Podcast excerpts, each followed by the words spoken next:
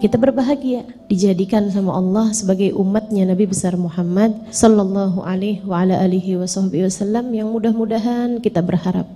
Ya Allah sebagaimana Engkau telah pilih kami sebagai umat Nabi Muhammad jangan pernah pecat kami jadi umat Nabi Muhammad Ya Allah engkau telah pilih kami sebagai umat Nabi Muhammad. Jangan pernah putuskan kami dari Nabi Muhammad. Ya Allah engkau telah pilih kami sebagai umat Nabi Muhammad. Jangan pernah ceraikan kami sebagai umat Nabi Muhammad.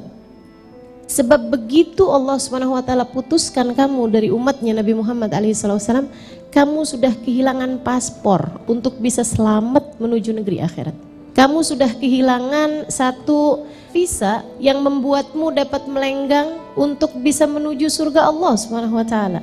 Sebab yang selamat di hari akhirat nanti adalah yang bersama dengan Nabi Muhammad. Kata Nabi Muhammad alaihi salam, "Ana sayyid walad Adam, wala fakhr."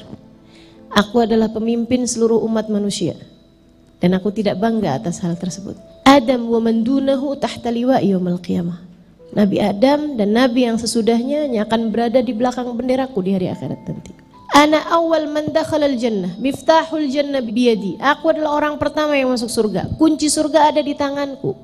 Artinya orang yang bersama dengan Nabi Muhammad alaihissalam dia yang akan selamat menuju surga Allah Subhanahu wa taala. Sebab selain berada di belakang Nabi Muhammad berada di belakang siapa?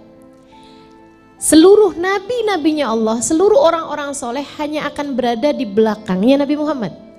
Kalau kamu tidak berada di belakang Nabi Muhammad, artinya kamu berada di belakang siapa? Belakang Fir'aun, belakang Abu Jahal, belakang Abu Lahab, dan ke mana mereka akan membawa?